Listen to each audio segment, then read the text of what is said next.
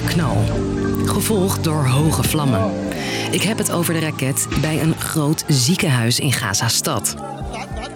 Juist een plek waar mensen nog terecht konden voor zorg en om te schuilen. En nu blijkt dus toch dat uh, de mensen daar ook uh, ja, geraakt kunnen worden. Sinds de oorlog uitbrak raakten in Gaza al meer dan 12.000 mensen gewond. Ze liggen gewoon op de vloer, in de gang. Ze worden ook in de gang geopereerd. Ik ben Sophie en ik leg je uit of en hoe Palestijnen nog medische hulp kunnen krijgen. Lang verhaal kort. Een podcast van NOS op 3 en 3FM. Waar oorlog is, staan mensen op om hulp te verlenen.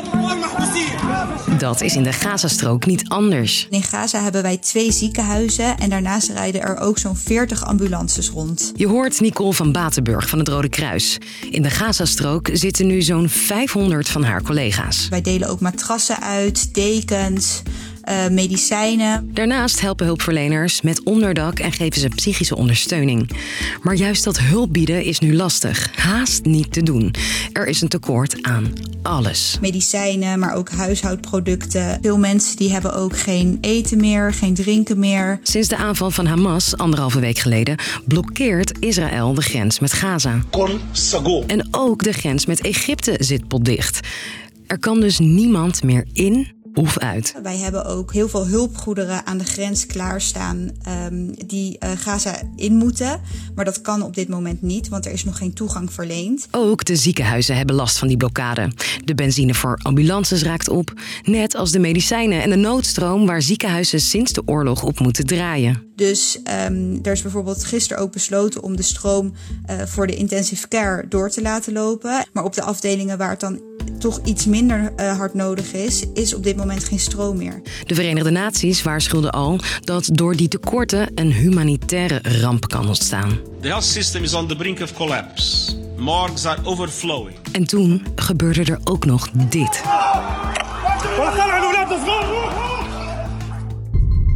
Dinsdag aan het begin van de avond komt een raket neer op het Al-Ali Baptist Hospital in Gaza-stad.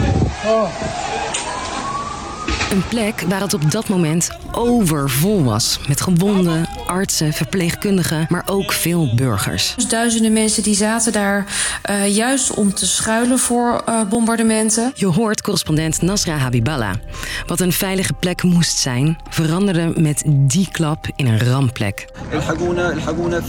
Overal lagen mensen, lichaamsdelen, vertelt deze chirurg die op dat moment aan het werk was.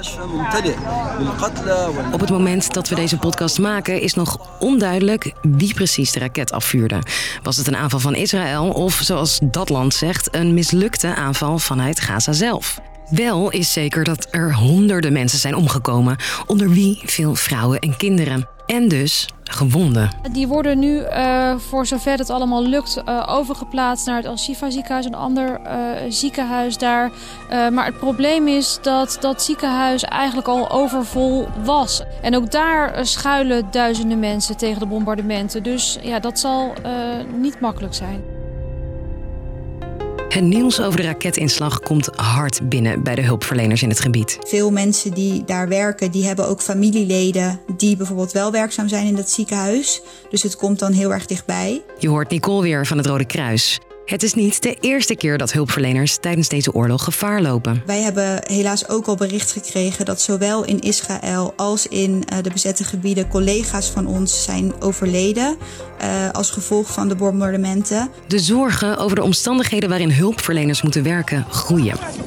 Ziet ook Lydia de Leeuw van Stichting Kifaya dat medische organisaties in Gaza steunt. Sinds de aanvallen zijn begonnen zijn ze uh, non-stop aan het werk geweest. Uh, ze, zijn, ze zijn allemaal oververmoeid. En ook mentaal is het werk een uitputtingsslag. Er zijn ook hulpverleners die als er een brancard wordt binnengereden, ontdekken dat het hun, uh, hun familielid is die, die wordt binnengebracht, dood of levend. Toch is stoppen voor de meesten geen optie. Alle, alle mensen waar ik contact mee heb, ja, die zeggen eigenlijk allemaal hetzelfde. Wij zijn medisch hulpverleners. Wij zijn geen doelwit van militaire aanvallen. Wij mogen nooit doelwit worden van militaire aanvallen. En ook bij het Rode Kruis en de Rode Halve Maan gaat het werk door. Ook al wordt die oproep wel gedaan, zie je gewoon dat zij echt aangeven: nee, ik laat mijn patiënten niet in de steek. Ik wil er zijn voor de mensen die onze hulp nodig hebben. Dus, lang verhaal kort. In Gaza blijven de gewonden binnenstromen. Een raketinslag bij een ziekenhuis kwam daar nog eens bovenop. Dat was opnieuw een klap voor de hulpverleners in een gebied waar het al extreem moeilijk werken was. Ondanks de tekorten aan medicijnen, stroom en water blijven zij doorwerken. Wil je meer weten over de oorlog tussen Israël en Hamas? Luister dan ook even de andere afleveringen en de video's die we maakten bij NOS op 3. Zijn allemaal te vinden in je podcastfeed en op YouTube. Bedankt voor het luisteren. Doei!